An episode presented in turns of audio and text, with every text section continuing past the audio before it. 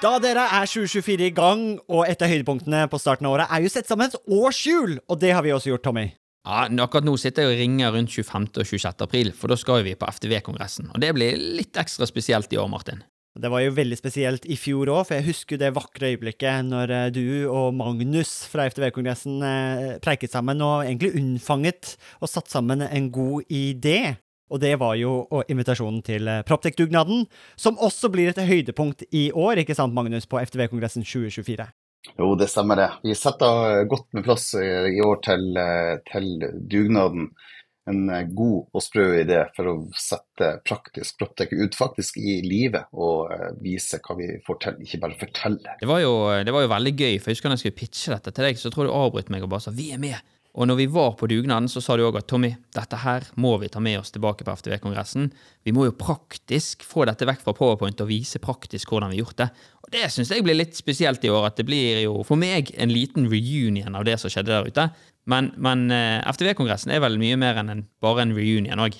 Jo da, det er en møteplass for eh, FTV Norge, og vi ønsker å skape det til en, en god møteplass for FTV Norge, som, som tross alt tar vare på Norges største fastlandsnæring. Og da skal vi da skal vi ha en god arena å møtes for å se på felles uh, utfordringer og problemer, men ikke minst hvordan vi kan løse ting fremover. Og så blir uh, dugnad en sånn uh, bekreftelse på hvordan vi faktisk uh, kan gjøre det, istedenfor å stå og bare høre om hvordan vi kunne ha gjort det. Det er veldig kult. Og januar er jo en gavemild måned, så hvis du brenner for bedre drifting av bygg, så kan du få med deg en liten eh, rabattkode her også, så møtes vi kanskje 25.-26. april på Tung kongress Gardermoen. Og den rabattkoden er ikke vanskeligere enn Praktisk Proptech med små bokstaver og uten mellomrom. Praktisk Proptech. Praktisk Proptech, små bokstaver, ingen mellomrom ett ord. ftvkongressen.no, der ser du programmet, det blir oppdatert i disse dagene, og så møtes vi i april. Vi ses! Vi ses! Velkommen til Praktisk Proptech. Med Martin og Tommy. Dette er en podkast der vi ikke skal snakke om en fremtid langt unna. Men hvordan ny teknologi kan hjelpe oss til å drifte, forvalte og bruke byggene våre i dag. Vi vil vise deg de beste eksemplene fra innlandet og fra utlandet om hvordan sensorikk, teknologi og bygg henger sammen. So, let's go! Da jeg trykka på record. Jeg lurer på om jeg skal starte din på nytt, ja, så, ikke, så, vi sparer litt på den eh, innspillinga ettertid. Ja. Bra. Du ser og hører oss bra? Ser vi bra ut da? Ja, det er utrolig bra. Fantastisk. Men jeg tror, jeg tror faktisk vi, cyber, liksom, vi begynte å ta dette her alvorlig, Tommy, i vår. Da var vi på FTV-kongressen. Og så prater vi med Magnus. Han er eh, på, på Sortland. Han er dagleder i FAMAK og FTV-huset. Og han sa at okay, i år skal et av hovedtemaene i FTV-kongressen vi må begynne å ta sikkerhet på alvor. For det er flere og flere nå som begynner å spørre om det innenfor eiendomsbransjen. Vi har fått så mange systemer inn på bygg. Eh, så han virkelig begynte Å ja, 80 episoder av Praktisk Proptek. Vi har jo egentlig ikke gått i dybden på det nå, så nå tenkte jeg nå skal vi virkelig nerde ut. Og for noen par uker siden, da het du Takman. Nå heter du Eng. Ja, det stemmer. Vi, så ting har jo forandra seg, siden, så det går jo fort her. Men du har jo gifta deg i mellomtid, så gratulerer, Alexandra. Tusen takk for det. For vi begynte, Jeg måtte bare stoppe deg midt i samtalen. for sånn, Ikke si noe mer! For du begynte å fortelle en sånn hårreisende historie om hvordan det var på innsiden av Mersk, Tomra, Hydro, kanskje Nortura også. På hvordan det føles å sitte inne når de blir faktisk angrepet. Mm. Nå har vi ikke hatt noen store eiendomsaktører som har fått det angrepet enda. Men i dagens episode så har vi fått med Alexandra. Vi har med Anders fra Deloitte, The SWAT-team, til å utforske cyber risk. Og så må vi over på eiendom. Det er jo, og det er jo ikke hvem som helst, for vi har jo leitet og leitet etter dette temaet lenge. Så vi har jo tatt med oss eh, ganske stillingstunge mennesker i dag, Martin. Jeg har oppgradert meg sjøl til eh, Director of Practice Poptech, for sånn at vi kan speile gjestene. Så det er Alexandra, Senior Manager Cyber Risk Services, Deloitte AS. Og Anders eh, Strangstad, Director, direktør mm. på godt norsk. I, eller eh, leder av Cyber Resilience i Deloitte også. Så dere har vært på frontlinjen. Dere har vært ute i cyberkrigen. Eh, og vært motstand for de som har følt dette på kroppen. Mm. Gleder dere? Ja, kjempe. Veldig. Ja, vi brenner jo for det her. Jeg prata litt med Tommy i går kveld om okay, hvordan skal vi ta fatt på dette her. Og så begynte jeg å beskrive litt den samtalen jeg og Alexander hadde hatt om disse angrepene. Og sa jeg, ja, men Martin, det er jo akkurat som det TV-programmet! Hvilket TV-program var det, Tommy? 24. Sant? Du vet liksom, du kommer rett ut, du ser at det er helt krise, og så går du tilbake i tid, og så blir det sånn Hva skjedde egentlig på time null? Så det er litt målet vårt. da. Det blir ikke 24 timer med podkast, men kanskje Få se, vi har jo vann og kaffe. Kan jeg hente? Men storytelling-messig så tenkte vi at dette her hadde jo vært en sånn Hvis vi klarer å få med lytterne våre nå ut på en liten reise og, og skjønne hva, hvordan er det egentlig å bli, bli angrepet, hva er egentlig risikoen, hvordan, hvordan føles dette her? Og så kanskje avslutte litt med hva tiltak bør vi gjøre, og litt deres syn på vår bransje, som vi er veldig glad i, eiendomsbransjen. Hvordan står det til med oss, egentlig? Og er vi, eh, er vi attraktive for, for, for disse Det er vel terroristene vi kaller dem for? Skal vi begynne med et angrep? Eh, Så vi har jo sett i 2017 så var det Mersk på alle nyhetsforsidene. Eh, Nylig har vi hatt både Hydro og kanskje sist var Tombra. Og Nortura ble også utsatt for et lammende angrep. Men ta oss med på innsiden av disse selskapene. Hvordan er det man først oppdager at oi, her er det noe som er på vei til å gå gærent? Hva er de første indikasjonene, og hvem er det som oppdager at noe er muffins? Ja, og det, det, det kan være mange måter. Eh, og, og det kan jo oppdages av enkeltbrukere. Eh, og det kan jo oppdages også gjennom systemer eller tjenester man har for sikkerhetsovervåkning. Eh, men det som kanskje har vært gjenkjennbart på de fleste av de angrepene her, er, er litt sånn tilfeldigheter hvordan man oppdager det.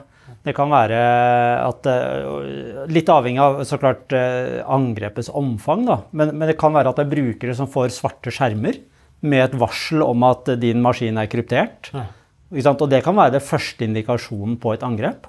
Så? Da har du et angrep som har gått forbi alle dine sikkerhetskontroller, ikke har blitt oppdaga før det faktisk gir effekt da, ute hos brukere eller på tjenester. Så det kan være én måte. Andre måter kan jo være at du har noen sikkerhetskontroller på veien som gjør at en eller annen administrator av et system får en alarm eller noe sånt, og for, klarer da å forstå at den alarmen her er noe jeg må ta tak i. Eh, og så kan du jo ha, ha en profesjonell aktør som, som driver 24-7 sikkerhetsovervåkning. Da. Eh, men det er jo viktig å det er jo alltid et, altså, Hvis det er en avansert aktør da, som ønsker å gjøre deg vondt, så, så er, jobber jo de også smart. Så de prøver jo å gjøre ting på en måte som, som unngår at de blir oppdaga. Så, så tiden det tar for å oppdage et angrep, da, sånn gjennomsnittlig, det, er jo, det finnes det rapporter og forskning på. Ja. Og det er jo Jeg husker ikke tallet, men det er 180 dager eller noe sånt. Nå, som er, eh, så, så angriperen kan ha vært inne i systemene dine i måneder Wow! før du evner å oppdage det selv. Og fra du oppdager det til du klarer å på en måte håndtere det og få det ut, så tar det ytterligere 90-100 dager. Så den, den svarte skjermen, det er kanskje det er ikke starten på angrepet. Det er kanskje langt inn i et angrep, hvor mye, Ja. ting, mye forberedelser. Man har posisjonert seg, man har gjort seg klar, og det er da man setter i gang egentlig storoffensiven. Ja, det, det kan du si. Så i, i, på, på faget her så opp eh, altså Vi snakker om noe som vi kaller kill chain, da, Ja. som er egentlig faser man går gjennom i et angrep. Og når du får en svart skjerm, så er de egentlig i siste fase av det. Så det har jo skjedd masse ting i forkant. da.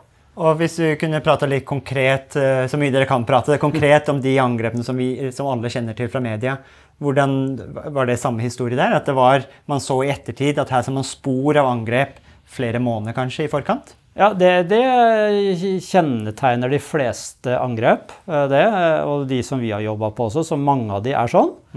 Men så har du også, og der har det jo vært Det er også offentlig kjent, det, i forhold til Mersk-hendelsen i 20, 2017. Så, så skjedde jo det sånn, altså med en gang. Ja. Eh, fordi angrepet var ikke målretta mot Mersk, men det var et, et, eh, supply chain-angrep. da, Hvor noen hadde eh, brukt måneder Ja. på å angripe en annen aktør Ja.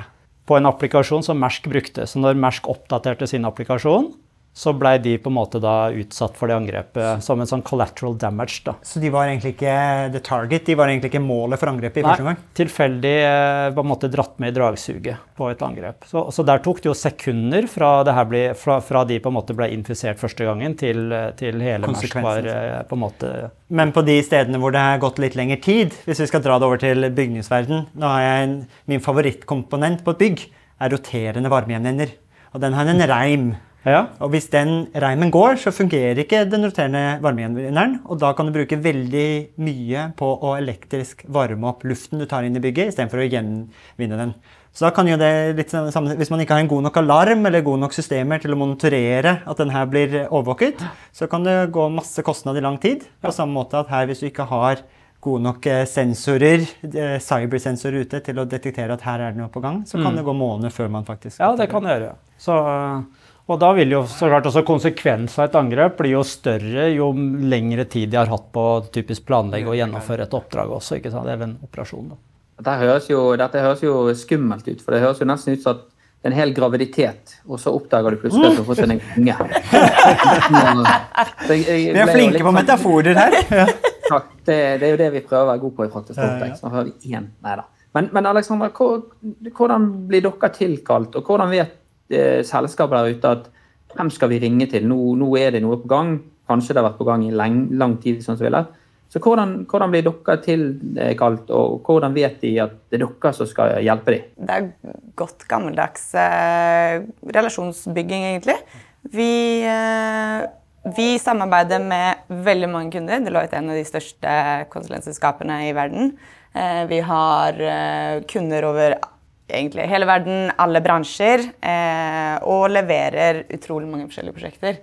Ehm, så det at eh, våre kunder har en, en god partner, eh, rådgiver, ehm, som de vet eh, har kunnskapen og ikke minst skalerbarheten eh, til å bistå i tilfelle noe skulle skje, ehm, det er vel egentlig det. Hvis vi tenker tilbake til den minutt for minutt-analogien vår. Sant? Eh, Her ble det svarte skjermer. Var det når det ble svarte skjermer hos Mersk at de ringte dere og sa oi, hjelp oss, her er det noe som går skjer? Ja, det, det kan du jo si. eh, Så, så det, det angrepet skjedde jo så fort da, at de svarte skjermene kom jo eh, umiddelbart. Og da var jo vi allerede i en posisjon hos Mersk. eh, At de, de kjente til oss, og vi kjente til de på en måte. Så, så da var det jo naturlig. Men en av kanskje de største utfordringene i starten på et angrep, det er litt sånn derre ikke fornektelse, kanskje, men, men, men, eh, men følelsen av litt sånn Dette skal vi fikse selv. Så litt sånn der stolthet og, og litt sånne ting. La oss bare, alle mann på dekk, la oss fikse det. Eh, og, og kanskje ikke helt forstå hvilke omfang er det sånn angrep faktisk skal, kan ha. Og, og hvordan skalere opp riktig med riktig kompetanse. fordi de fleste som blir utsatt for et angrep, de er jo rigga for drift. Men når et angrep oppstår, så, så kan det være at du faktisk må gjenoppbygge hele selskapet fra bunnen av eh, for å komme tilbake. Og, og de, de, den kompetansen og den kapasiteten har du ikke i selskapet. Det er, jo, det, er jo, det er jo galskap å ha en sånn kapasitet sittende. Så, så derfor er det igjen viktig, som Alexandra sier, å, å forstå veldig tidlig da, hva potensielt omfang av noe sånt noe kan være, og ha de rette folka som kan komme inn og hjelpe. da. Eh, og, det, og, da snakker vi, og enkelte hendelser kan vi kanskje løse med to-tre stykker, hvis man klarer å oppdage det tidlig nok og håndtere det før på en måte konsekvensen har liksom blitt, uh, blitt omfattende. da. Men hva var Så du sa uh, oss, Nå har vi prata mye om Mersk. Første skjerm, Du sa det var et momentantangrep som var, egentlig var en collateral damage. Det var egentlig noen andre som var målet for angrepet. Ja. Skjedde, var det sånn at da var det, begynte én og én skjerm å gå ned, eller gikk, kunne man ikke logge seg hva, hva, Hvordan var konsekvensen for de som jobbet dag til dag, og hva var den fysiske konsekvensen i forhold til operere businessen, som er å få ting til å flyte rundt på verdenshavene? Mersk var nok kanskje spesiell der, fordi det, det var ikke sånn at én og én PC. Jeg tror det tok eh, minutter ja, fra, liksom hele, fra den første PC-en ble infisert, Ja. til så å si alle PC-ene i hele Mersk globale nettverk. Da snakker vi titalls tusen PC-er. Ja, jeg vet ikke akkurat Det- antallet. Det, Det er sikkert en PC per ansatt, i hvert fall. Ja, det er eh, Det var jo 80 000 ansatte på nesten 600 kontorer i 130 land. To timer tok det fra den første PC-en gikk i svart, det var på hovedkontoret i København, til hele globale nettverk var ute. Um, Da kan ingen logge seg på e-post. Ingen kan logge seg inn på planleggingsverktøyet for uh, båtene. Ingen kan logge seg inn på manifestlistene som sier hva som er i hvilken båt. Alle konteinerne har vi mest oversikt over. Det vil si at situasjonen var sånn at um, ingen Altså, båtene sto i havner. Ingen uh, visste hva som var i konteinerne. Ingen visste hvor båten kom fra. Ingen visste hvor båten skulle. Og eh, altså, driften altså til verdens, en av verdens største distribusjonsselskap ja. var bom stille. Eh, og da, under denne tiden så steg det globale eh, altså det globale shippingvolumet ble redusert med 20% og verdens bananpriser steg. Som en konsekvens av angrep, så ble bananene våre dyrere. Så, og det, ikke sant? Det er bare og det er liksom, Og eneste grunnen til Eller det sies at den eneste grunnen til at eh, Mersk ikke gikk dunken her, var fordi at det var en server i et eller annet sted i Afrika som var ute pga. et strømavbrudd. Så da klarte de å retrieve noe av den informasjonen som de trengte i gjenopprettingsprosessen, eh, og noe informasjon ble reddet. da.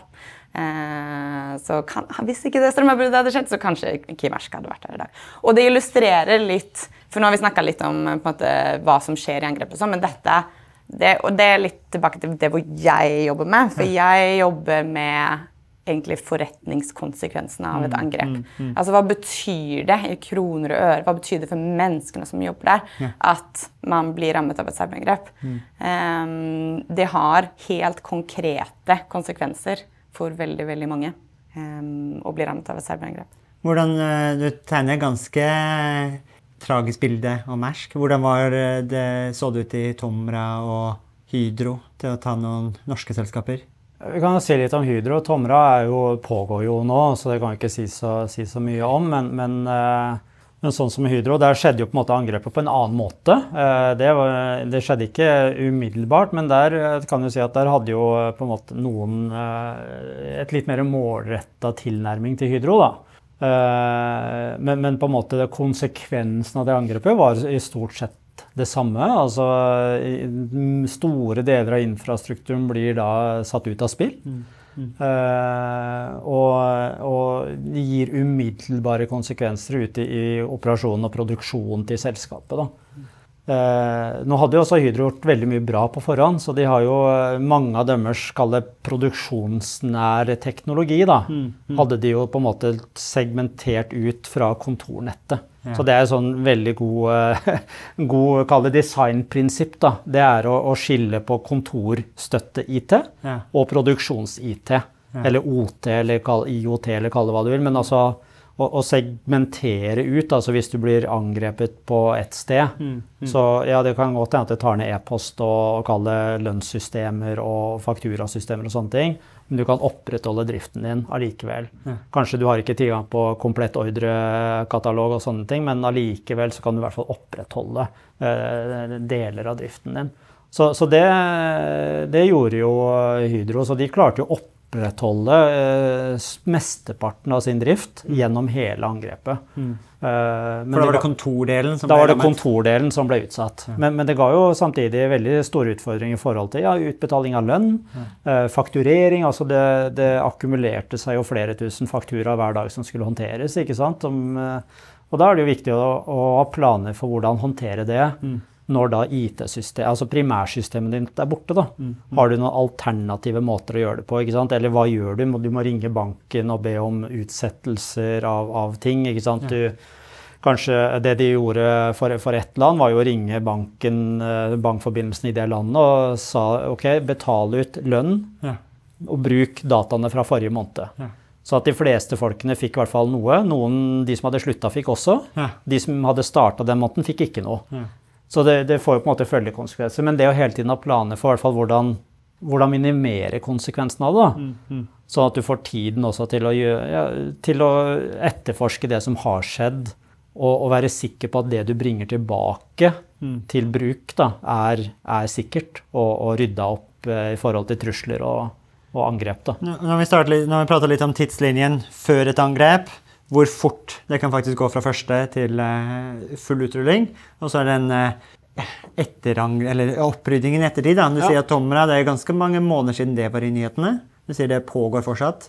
Hydro, Mersk, Nortura. Hva, hva ser man? liksom Det oppryddingsarbeidet, gjenopprettelsen. Hvor lang tid tar det? Det varierer også. Vi, eh, vi jobber jo etter en sånn fasedelt approach på det her. Eh, Og hvis du tar liksom helt sånn standard eh, i et avansert angrep, så sier vi at det tar ca. 30 dager å etterforske angrepet og finne ut hva som har skjedd. Og det, det er så viktig å finne ut av hva som har skjedd, for å identifisere sant, hvilke sikkerhetskontroller har feila, hvilken, hvilken, konfigurasjon er det som var svak. Er det noen sårbarheter og mangler i vår infrastruktur som vi må få kontroll på før vi, før vi på en måte bygger opp igjen ting. Så den etterforskningen her for å finne ut sant, hva, hvor, hvordan kom de inn, hva har de gjort eh, osv., tar, tar ca. 30 dager. Så tar det ytterligere 30 dager, eh, og altså, da er vi på dag 60. da. Ja før du har klart å gjenopprette det vi kaller et sånn minimum viable company. Okay. Det er de absolutt aller mest kritiske ja, funksjonene da, for å sikre omsetning eller revenue, kontantstrømmen til selskapet. Etter 60 dager så betyr det at du, risikoen kan det være at du faktisk ikke du mister all kontantstrøm i 60 dager? Det, det, kan, det, kan, være en konsekvens av det her, ja. Og så kan det være at du likevel klarer å akkumulere opp ting så du får igjen pengene dine senere, men, men, men, du må belage deg på at systemene dine er ikke tilgjengelig i, løp, altså i 60 dager da, etter et sånt angrep. Nå, nå, har vi på en måte fått vel, Det er ikke tvil om at dette er viktig. og jeg ser for meg Selskaper som er blitt angrepet, de, der sitter nok sikkert dette høyt på agendaen. Så hvis vi skal i denne 24-timersløypen, si etter 60 dager, dere skal bygge dette opp igjen. eh, hva, hva, gjør man egentlig da i retro? Lager man en strategi på hvordan dette her aldri skal skje igjen?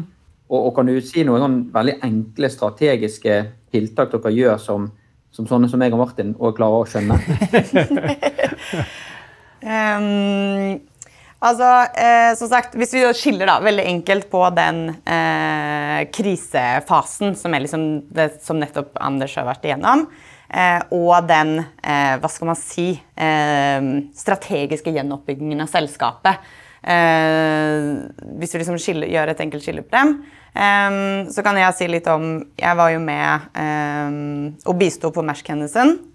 det vil si i den altså den strategiske gjenoppbyggingsfasen. Mm, mm. Uh, det varte i tre år. Oi. Eh, det var et av de største prosjektene noen gang, tror jeg. Uh, involverte 200 konsulenter fra hele verden. Eh, så, eh, og dette var jo før covid, så vi fløy jo inn hver mandag morgen til London. Eh, og, så jeg ukespendlet der i den perioden betaler fortsatt av mye CO2-gjeld. Ja. og fortsatt stor flyskam fra den tiden, men det var veldig spennende. Um, og da var det et svært transformasjonsprogram, fordi Mersk var veldig opptatt av å gjøre det riktige. Mm. Uh, og det er en sånn gjenganger, egentlig, blant de selskapene i krise. Um, hvis du har vært med, stått i en krise, mm. kjent det på kroppen, mm. så er du ikke villig til å ta den risikoen igjen. Mm. mm. Og Det er det vi prøver å si da, til de selskapene som kanskje ikke enda har vært med om en krise. at det blir jo billigere og enklere mm. hvis man bare gjør det, hvis man gjør det før man står i en krise.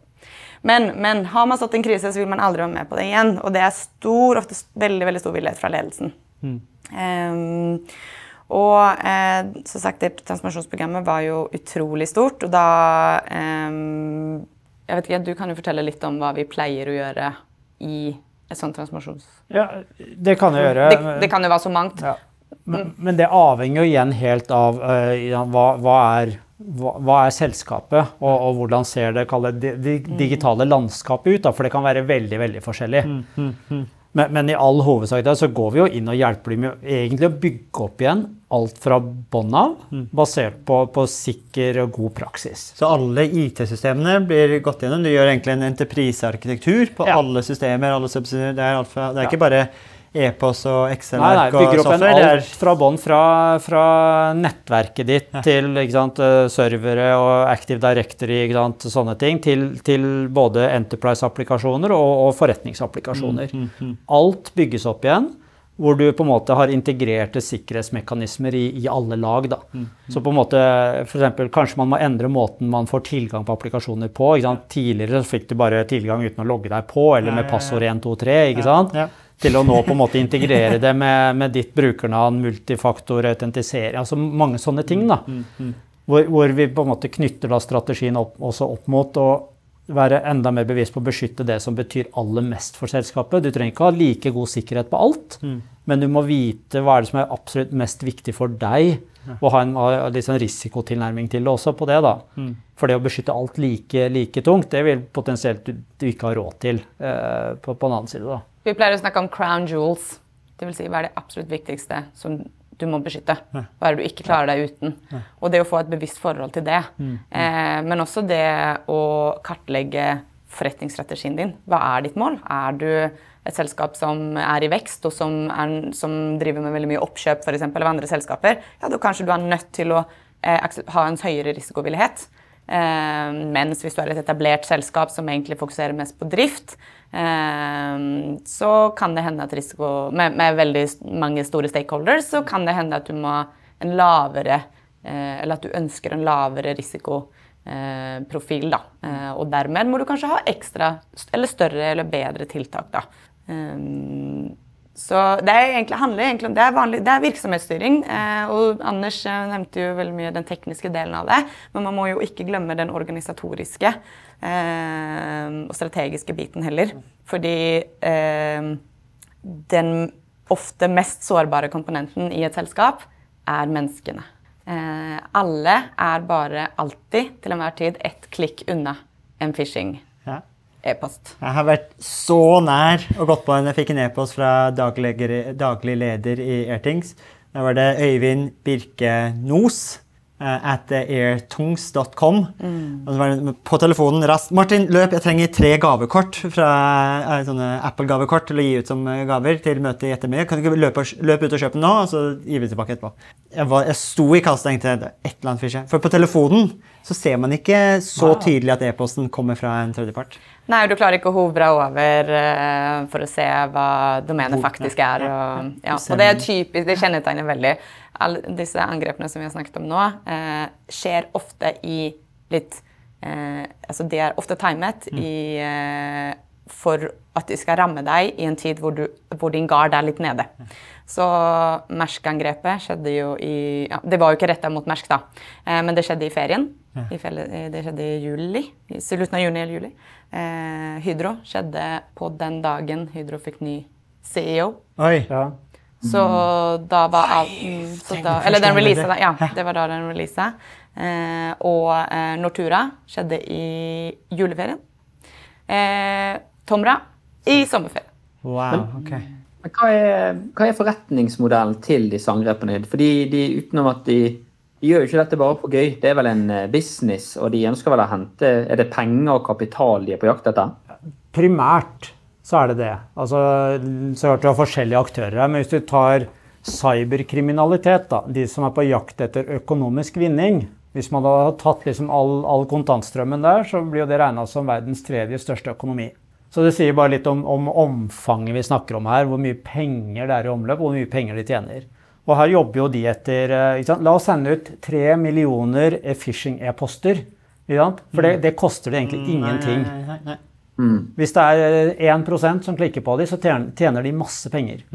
Og så er det samtidig kommet så langt i dag at risikoen for å gjennomføre et sånt, altså et sånt innbrudd eller angrep, eh, ran, er jo ekstremt lav. Du trenger ikke noe våpen, du trenger nesten ikke noe kompetanse. Eh, og, og du trenger ikke å se den du raner i øya. Mm. Mm. Og, og det er nesten umulig å bli oppdaga. Så risikoen for den som angriper, er jo ekstremt lav. ikke sant? Og så, og så bare ta det først om. Altså, det her er jo de som er på jakt etter økonomisk vinning. Så, så de kan jo da gå inn og kryptere systemene dine, kreve løsepenger for å låse opp igjen og den type ting. ikke sant? Eller de kan true deg med at de har lasta ned alle bildene dine, og der var det bilder du ikke vil skal bli publisert. altså en del? Så de truer for å tjene penger. Størstedelen er det. Men så har du også de som ønsker å gjøre deg vondt på andre måter. Altså Det kan være konkurre konkurrenter. Mm. Det kan være stats, altså nasjonsta, nasjoner, da, statssponsa nasjoner, eller at det er nasjonalstater selv som i forbindelse med en hybrid krigføring eller noe sånt, nå ønsker å påvirke opinionen, f.eks. publikum, eller ønsker å, redusere vår evne til å operere fritt innenfor våre egne grenser. Ønsker å påvirke valg. Ja, det er mange, og det er jo mer målrettet angrep som ikke er på jakt etter økonomisk vinning, men å rett og slett påvirke eller ødelegge eh, systemer eller påvirke vår mening. Da. Men det, det, det Mersk, eh, de, de fire angrepene vi har pratet om konkret nå, var, det, virker som det var mye kaos og skade, men det var, noe, var det noe vinning på de som faktisk påførte dette her, i de, i de fire tilfellene? Eh, ikke direkte i noen av de, meg bekjent, eh, men det var jo et mål om å få vinning. Ja, så det var utpressing, alle fire var Nei, ikke, Mersk var ikke det. Nei. Eh, Mersk var mer enn Og det er, jo, det er jo kjent også i mediene, men det var jo at man tror og det er mye som tyder på da, at det var et, et, eh, eh, et angrep mot Ukraina. Oi. eh, For å svekke Ukrainas evne til å på en måte administrere seg selv. Ja, for det skjedde, angrepet ble deploya i Ukraina. På en, det var en regnskapssoftware. Som var også installert på en. Ja, på en PC i, i, til en ansatt som satt i Ukraina. Og, det systemet benyttes av eh, 80 eller 90% av ukrainske myndigheter til regnskapsføring. Ja. Så man, man tror at det var liksom ment for å da svekke Ukraina myndigheters egen evne til å liksom administrere og håndtere seg selv. Vet vi noe om hva som skjedde med de systemene i Ukraina? De besto, mens Mersk ble Nei, nei, de, ut? de jo ble jo berørt. Okay. Så det var, her var det jo masse jobb i Ukraina også. Men det er jo ikke, så konsekvensen for Ukraina var nok eh, mest sannsynlig mye større enn for Mersk som selskap. Ja. Men, men igjen, vi er vestlige. Så det vestlige Det er vi- kaller- det er det vi ser i media. Ja, det selger mer i media, da. Men er det, er det noen ang- nå, Dette det jo kjente angrep. Er det, er det flere angrep i Norge med store selskaper som gjerne ikke er blitt kjent, og der de bare har betalt for å løse opp i dette? Ja, det er det nok. Eh, masse, altså store mørketall. Eh, og så er det nok fortsatt sånn at, eh, at eh, det oppleves eh, flaut å bli angrepet. Og man er redd for, hvis man går ut offentlig med at man er det, så vil det svekke tilliten til selskapet. Eh, men, men da kan vi jo dra litt den eh, kalle det analogien da, med altså Hvis noen kommer og bryter seg inn i ditt hus, opplever vi det som flaut? Altså hvis det, er en, hvis det er noen som vil inn i huset ditt, så kommer de seg inn. Ja, du kan ha alarm som varsler deg, og du kan ha klistremerke på ruta som minimerer kanskje sjansen for at de gjør det. Men det er jo ingen som går rundt og, og syns det er flaut. Det er ingen som lar være å anmelde et fysisk innbrudd i hjemmet sitt. Men på, på cybersiden så er det store mørketall. Av uvisst av hvilken årsak. Så, og så må vi bare tillegge da at vår anbefaling er selvsagt å aldri noensinne betale løsepengesum, eh, eh, løsepengesummen. Eh, av flere årsaker. Eh, for det første finnes det aldri noen garanti for at du faktisk får tilbake filene dine. Ja. Eh, dette, er- husk at dette er kriminelle. De gjør akkurat hva de vil. Eh, for det andre så Nå dette er helt ut, faktisk. Så er er det fortsatt systemet komprimert i ettertid? Ja, ikke sant? Og, ehm, og ikke minst så er du med og finansierer kriminell virksomhet. Wow, jeg tror alle sitter nå og føler på dette her i hjerterota at dette er eh, stressende, dyrt. Det å ha 200 konsulenter i tre år til å bygge opp et selskap igjen, det er ikke billig. Så det er mye det, er det, det preventive er nok mye rimeligere enn ta konsekvensene. Helt sikkert. Og så begynner sikkert mange nå som jobber med bygg og eiendom. Jeg gjør ikke noen sånn, ikke som jeg er bekjent, da, noen store saker rundt en eiendomsaktør eller noe bygg som har mistet helt tilgang. Men vi ser jo at den risikoen øker med flere og flere systemer man blir avhengig av. Og eh, vi vet jo det er jo fysisk mulig å gjøre fysisk skade med å feilprogrammere ting på bygg. Ikke sant, Tommy? Det har vi opplevd. Ja, så hvis du eh, kjører viftene litt feil, så kan eh, ting både eksplodere og implodere. Ikke sant, Tommy? Ja, vi, vi, har, vi, er, vi er alle med i millionklubben vi som har programmert bygg, der vi har ødelagt for mer enn en million kroner med å være litt raske. Ja. Så, det, så det, går det kan gjøres ved en eh, feil. Beklager, nå, nå blusha du litt. Det var, Det var ikke meninga å oute deg i millionklubben. Du vet, du vet hva jeg pleier å si, Martin? De som ikke har gjort feil, de gjør ingenting. Har du gjort noe feil? Eiendom, da. Hva, dere, er det på radaren deres? Hva er liksom status der? Er det den nye Sitter vi på en tikkende bombe, vi som jobber med eiendom? Kan vi bare begynne? Eh, Ja, det er på radaren vår. Eh, og derfor er jo også Alexandra er jo på en måte vår eh, si, outgoing person innenfor det området. For, for det som kanskje er det viktigste inn mot eiendom i dag, det er å øke bevisstheten i, i den næringen. Eh, fordi, eh, som vi snakka litt om før vi starta her, er jo mange av disse kriminelle aktørene de går mot de svakeste. De som har, eh, der det er enklest å bryte seg inn og tjene penger. Og hvis det er sånn at alle andre blir flinkere og flinkere, og flinkere, mens eiendom sitter igjen på gjerdet, så er dere det neste målet. Sant? Så, så det å bygge opp god bevissthet og gjøre de riktige tingene tidlig, både reduserer kostnadene, for å, på en måte livsløpskostnadene til et bygg, men det reduserer også sant, risikoen for både sannsynligheten for å bli angrepet og, og, og minimere konsekvensene. Så Alexandra sitter jo på en måte hos oss og leder opp eiendomssiden på, på å nettopp skape den bevisstheten og komme ut i den næringen for å liksom hjelpe, hjelpe alle. da. Så eh, Alexandra kan jo si mye mer om, eh, om status i eh, Ja, altså, det er som Anders sier, at eh, eiendomsbransjen er kanskje en litt konservativ bransje, eller? Hva syns dere? Noen Kanskje, noen. kanskje ikke akkurat dere, eh, men jeg tror eh, det, er nok, det er nok mange som, som vil være enig i det. At det er en litt konservativ bransje.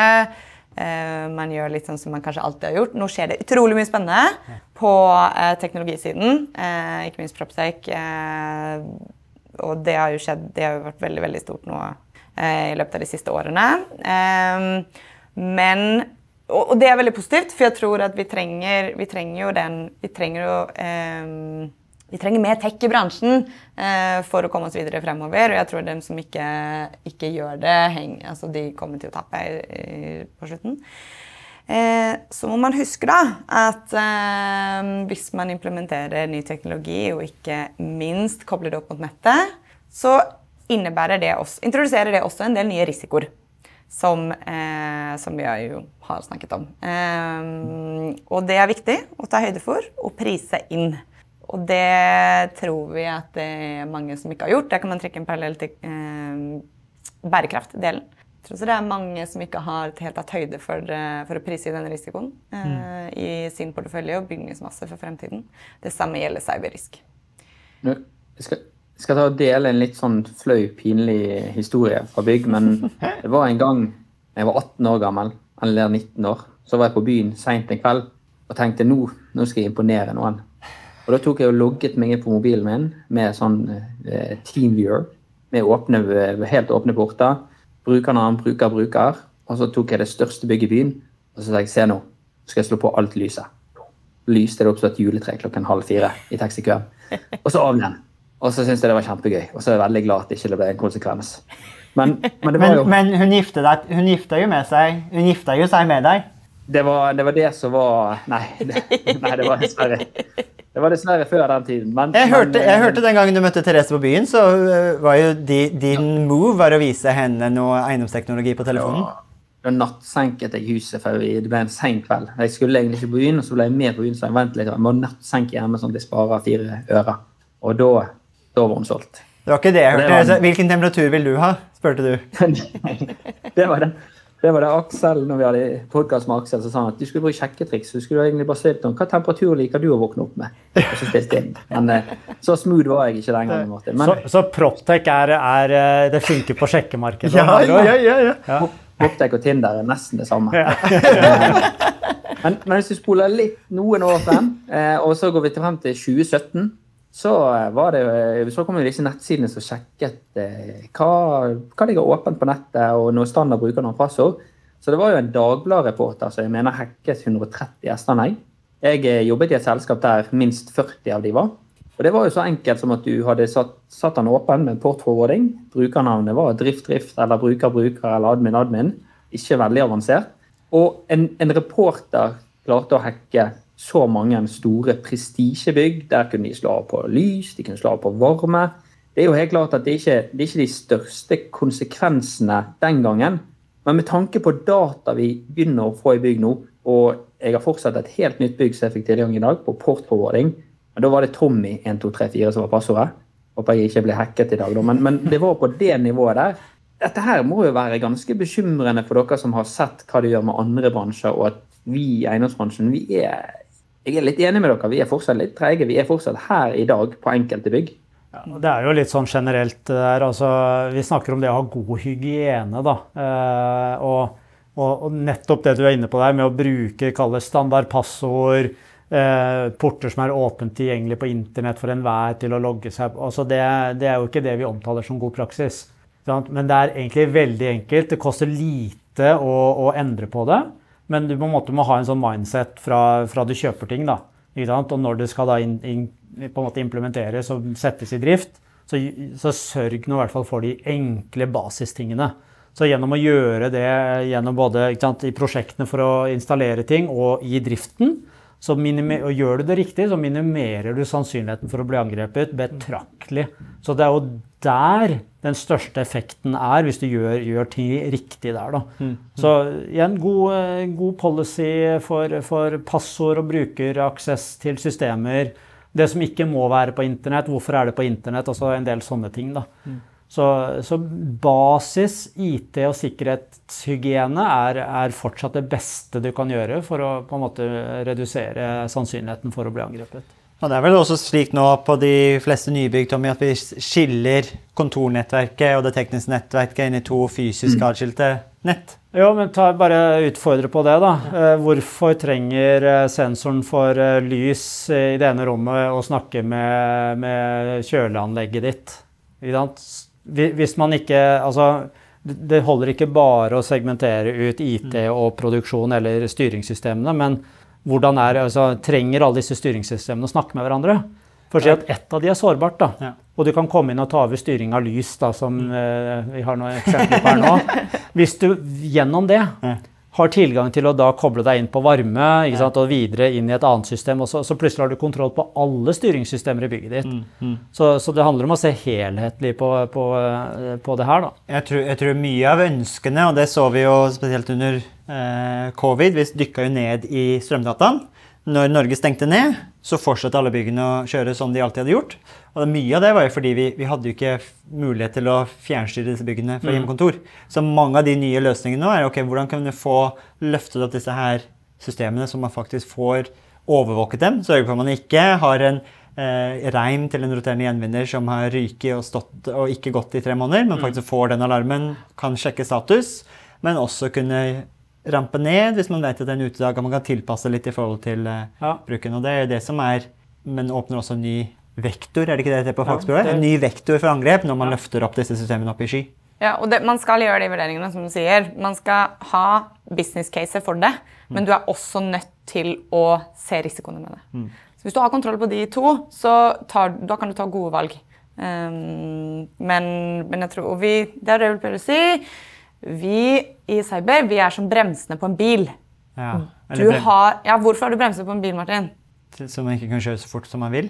Nei, du skal kunne kjøre testen. fortere. Okay. det er for at du skal kunne kjøre fortere som du har bremser, Martin. Ja. Så, og det er det vi prøver å si. Så. Vi skal, altså, våre kunder skal kunne akselerere sin eh, teknologireise fortere. Ja. Men vite at man kan, hvis det skulle ja. komme en uh, elg på veien, så kan man bremse raskt. Og ha en god brems. Men hvis, hvis vi skal være veldig vi, vi, liker jo å være praktisk. Veldig praktisk. Så jeg tenker sånn hvis Vi skal, vi har jo blitt veldig godt kjent med konsekvensen, hvordan det kan gå galt. Eh, jeg tror alle som jobber med bygg og eiendom, de begynner å se at disse dataene vi begynner å få inn, de begynner å bli ekstremt verdifulle. Vi kan jo styre mye, mye mer. Eh, hvis vi skal være veldig konkrete og lage oss en god sikkerhetsstrategi Hvis vi nå skal tenke at vi er et lite sikkerhetsråd, vi har en gårdeier der ute som har fem bygg. Eh, blir litt nervøs ut av alt dette som skjer. Hva, hva er, hva er liksom oppskriften som dere ville sagt som egentlig sånn overordnet gjelder alle, på å, å tenke sikkerhet? Ja, det, det, hadde vi hatt alle gode svara, så hadde vi ikke trengt å sitte her nå. For da var jo det her allerede ivaretatt. ikke sant? Men, da hadde ikke vi hatt noe jobb å gå i. Nei, så vi, vi, vi, må ikke gi den fasiten, for vi, vi ønsker fortsatt å være ja. Nei, men, men, jeg tror det Én ting er jo altså, Ja, du må ha basishygiene i bånn, som vi snakka litt om i stad. Du må gjøre ting riktig. Du må vite hva du har, og hvordan ting er konfigurert og satt sammen. Mm. Uh, så egentlig, du må være i stand til å håndtere kompleksitet ja. på en god måte. Uh, og så må du vite hva de enkelte systemene gjør, hensikten med de, og, og beskytte de deretter. Eh, og så tror jeg Et annet viktig poeng her er jo ja, det, disse sensorene som vi setter ut i bygg, de, de på en måte lager, altså gir oss masse data som vi kan bruke til smarte ting. De dataene må man jo for all del samle inn og analysere og bruke, bruke for det formålet. Men en, en, tydelig anbefaling fra min side i hvert fall, skill på dataanalyse og på en måte digitale tvillinger og hva det enn skal være, og styringssystemet. Ja. Ikke la de analysene automatisk medføre, altså gi endringer tilbake ned i byggene. Ja. Der er ikke teknologien moden nok enda i dag. For hvis du, hvis du har et sånn tydelig skille mellom det, så, så kan du da få en god anbefaling i, til en operatør om at uh, endre konfigurasjonen i bygget ditt sånn og sånn. Men operatøren må ut på systemet for å gjøre endringene. Du kan gjerne, altså, ja, det er mulig å automatisere der så at systemet blir kall det, le, altså, eh, le, ja, altså levende alene da, uten Ja. en operatør. Men der er ikke sikkerheten god nok i dag. Så, så, så det tror jeg er sånn konkret greie. Ha kontroll på det du har. Eh, Sørg for å bruke dataene dine smart. Men, men ha fortsatt et skille mellom å analysere og bruke data kontra det å gjennomføre og implementere endringer basert på de dataene. Eh, Det tror jeg er viktig. Men hvis vi tenker konkret på tre roller som gjør på bygg, så begynner vi med drifteren. Så, og så kanskje ikke en drifter i Statsbygg og Entra som har et større nettstruktur rundt seg, men kanskje den eh, drifteren i en eh, eiendomsselskap som har 5-10 bygg. Hva hvis han skulle hørt kost seg med dette her, blitt litt- nervøs i løpet av episoden, skal på jobb i morgen? Det, kunne vi gitt noen konkrete råd, tre ting som han kunne sjekket, tatt en titt på, eh, tenkt over? Altså, ehm, det vi eh, Altså, jeg tenker Det å ha kontroll Altså asset inventory. Du har kontroll, kontroll på sine tilganger, som Anders nevnte i stad. Ehm, hva, hva, er, hva, hva slags komponenter har vi? Hva brukes de til? Hvordan er de konfigurert? Og hva kan jeg gjøre for å rette opp i en feil? hvis det skulle være. Eh, det er én ting. Og så er det eh, kompetanseaspektet. Altså en, vak en vak tradisjonell vaktmester i dag, da. eh, gjør- Driftsansvarlig. Driftsansvarlig, unnskyld. Ehm, gjør ganske mye mer enn å skifte, gå rundt og skifte lyspærer. Og som vi har snakket om, teknologien innebærer mange flere ehm, arbeidsoppgaver og nye fagfelt. Så det er litt sånn avgrense fag... Altså hva, hva er det hva er det, hvilke roller, eller hvilke oppgaver inngår i rollen i dag? For de er ganske annerledes. Ehm, og hvem kan man støtte seg på i andre og tredje linje? Ja. Ehm, og så også i Hvis en krise skulle se, skje, da, så er det også å ha kontroll på riktig prioritering av ressursene sine. Hva er det absolutt viktigste eh, som du må gjøre først? Jeg tenker jo litt eh, når du vet når du overtar huset. Sant? Det første du, i hvert fall i mitt hode, så skal jeg ha lett etter vannkran, vannstoppekran. Sant? Hvis det blir vannlekkasje nå, hvor løper jeg for å ta den røde kranen? Jeg tenker jo For drifteren så må det være å, å finne ut hvor er vannstoppekran på alle mine tekniske anlegg hvis noe skulle gått galt. Men, men hvis vi tenker på, vi har, vi har en annen kategori av lyttere, som er disse Poptech-selskapene. Mange av de er nye, mange av de kommer med ny teknologi. De har lyst til å få det inn i bygg. Og ingen vil jo gjerne være det Alle har vel hørt om det smartkjøleskapet i USA, sant, som var en inntrenger for en, for en hacking. Ingen vil være smartkjøleskapet som blir hacket. Hva, hva bør disse nye tech-selskapene som skal prøve å komme seg inn i bygg, gjerne alltid koblet på nett, hva, hva bør de tenke på? Det er jo vel høyeste grad av sikkerhet som må opp på dette her som en, en default, rett og slett. da. Det, eh, altså, det er å tenke sikkerhet fra idé skapes til kalle produkter liksom, det gjennom hele livsløpet da, til disse produktene og tjenestene dine. Og ikke begynne å tenke på det på slutten. Så egentlig tenke det allerede i business caset ditt, egentlig. Hvordan integrere sikkerhet i det her. Og igjen, da må du se litt på hva, hva er typisk brukerscenario for mitt produkt. Vil det potensielt eh, sant, kunne medføre eh, risiko for andre? Og, og disse Proptex-selskapene de er jo en, eh, en viktig bidragsyter inn i en verdikjede. Ikke sant? Så, så de må tenke litt på at hvis mitt produkt blir kompromittert, da, så er det ikke Ja, det er konsekvens for meg som selskap òg, men det er jo eh, kanskje en enda større konsekvens for de som bruker den teknologien. Så det å være seg selv an, på en måte bevisst og ta, ta et ansvar for å sikre eh, utvikling da, av sikre produkter fra, fra idé skapes til, til produktet avgår med døden. Da. Og så høres det liksom litt sånn her flåsete og, og enkelt ut, på en måte, men, men, men, men det handler om å ta det inn i business case. Det handler om å utfordre sine egne utviklere på at ja, men skriv sikker kode, test og verifiser ting underveis. ikke sant? Eh, signer koden din, bruk, eh, bruk biblioteker som du vet eh, på en måte er, er forvalta riktig. Den type ting. Altså å sette sammen byggeklossene dine eh, og, og på en måte test og validere det på en måte fortløpende. Eh, For mange av disse og, og, og, Vi har jo mange sånne eksempler på, på ting som har blitt kall smarte eh, ved, å, ved å bare sette inn noe ting du kjøpte på Alibaba. Eh, Mange av disse IOT-produktene som har typisk vært produsert de siste 10-15 åra, de er jo ikke sikre by default. Så, så sørg for å tenke på, på det, og sett sammen disse byggeplassene i produktene dine på en, på en sikker eh, måte, som du tester og validerer fortløpende. Det- Men som en kunde av eiendomsteknologi, så finnes det jo også eh, sertifiseringer av teknologier. Og det er penetrasjonstester, tredjepartsrapporter som er sjekket om det eh, tilfredsstiller disse her i forhold til eh, cyber, eh, eh, cybersikkerhet. Men også ISO, det er vel også ISO-sertifisering man kan få på, på dette. Både prosessen internt, men også hvordan systemet er utviklet. Men jeg tar meg på et annet, en annen aktør, er jo de som sitter på investorsiden eller har en portefølje. Så vet vi at det å Briam-sertifisere byggene er jo på en måte en, en seal of approval, et stempel som sier at her har vi, i hvert fall, her har vi fulgt til en høyere standard enn bare standard bygningskrav i forhold til bærekraft og energieffektivitet. Så det, jo, det forenkler investor sitt arbeid og minimerer risiko i forhold til også bærekraftsrisikoen når man investerer i eiendom.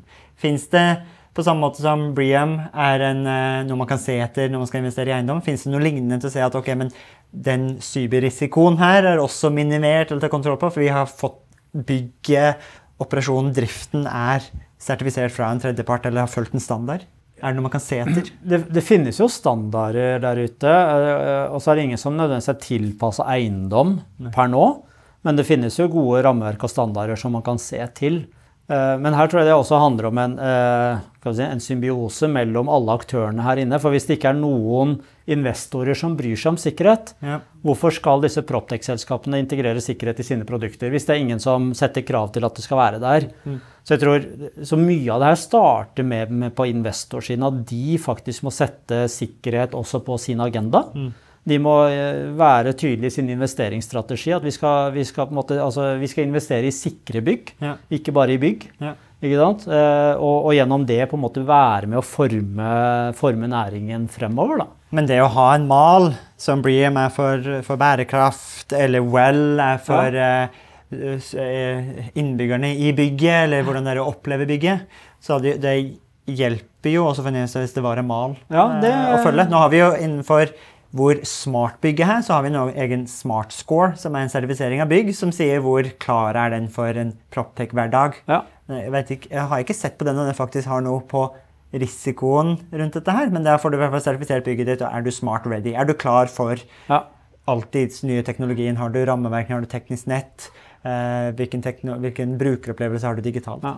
Det virker nesten som at vi har et behov i markedet til å få en eh, lignende cybersecure score for bygg, da. Ja, det hadde vært uh, lurt. For da hadde du fått noe som var også tilpassa til, til uh, eiendom, ikke sant? Ja. Men, det er, men det er igjen ingen som utvikler den før behovet og på en måte Kundene eh, kommer, kundene for- kommer og behovene er der. ikke sant? Så, og her tror jeg at næringen selv må ta tak. Mm. Det er eiendom selv som må fikse det problemet. Og så skal jo så klart vi stå der og hjelpe til med å finne ut hvordan det bør se ut. Men, men hvis ikke næringen selv vil ha det, så, så blir det vanskelig for oss å komme etter. Nå sitter vi i kjelleren på Mesh, og så vet jeg Daniel Buttensjøen, som er daglig leder i Proptech Norway, sitter jo oppe. Så kanskje vi skulle utfordre han. Han kan jo for, på sett og vis samle bransjen til å gå sammen til å begynne å sette sammen hva skulle et eh, cybersecure bygg sett ut som. Ja, Det hadde vært et, godt startpunkt. Ja. Jeg tror dette her eh, Dette er noe vi kunne snakket lenge om. Jeg tror eh, Jeg visste at dette kom til å bli spennende, men så spennende som dette her, at en time skulle bare fly av gårde, det hadde ikke jeg en drøm om engang. Men dessverre tror jeg at vi må avslutte denne episoden av Praktisk Poptech. Mitt navn er Tommy. Mitt navn er Alexandra. Jeg heter Anders. Og mitt navn er Martin, og dere har nettopp hørt på Praktisk Prostek! Cyber, cyber Risk Special. Veldig bra.